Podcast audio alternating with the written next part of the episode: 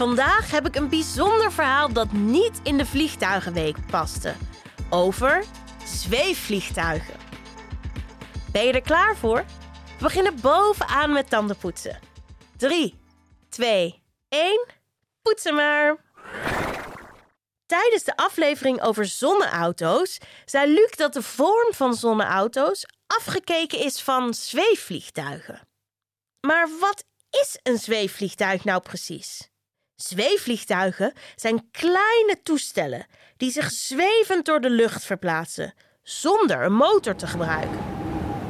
Hierdoor kunnen ze dus ook geen motor gebruiken om op te stijgen. Daarom worden ze met een kabel de lucht ingetrokken en op de juiste hoogte losgemaakt.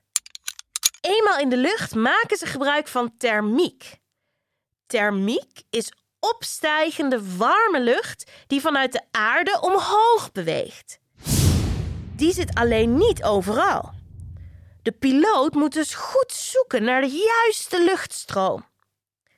Wanneer de piloot deze vindt, kan hij uren in de lucht blijven zweven.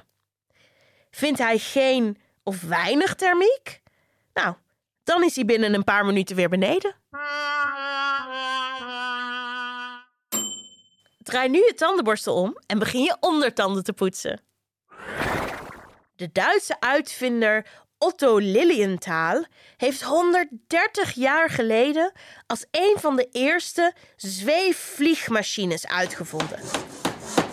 Het zijn nog niet echt vliegtuigen, maar eerder hele grote vleugels.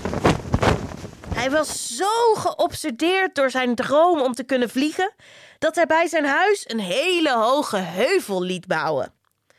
Vanaf die heuvel kon hij testvluchten maken. Wow, ongelooflijk! Kijk me gaan! Mensen in die tijd vonden het zo bijzonder om de uitvinder aan het werk te zien dat de heuvel al snel veel mensen trok. Ze wilden die gekke uitvinder wel eens met hun eigen ogen zien vliegen. Maar ik ben niet gek, hè?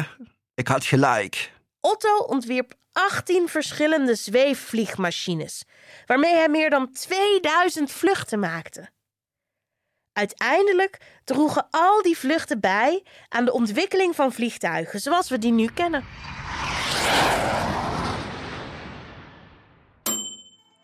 Dat was het voor vandaag. Spuug je tandpasta uit en spoel goed je mond. Tot morgen!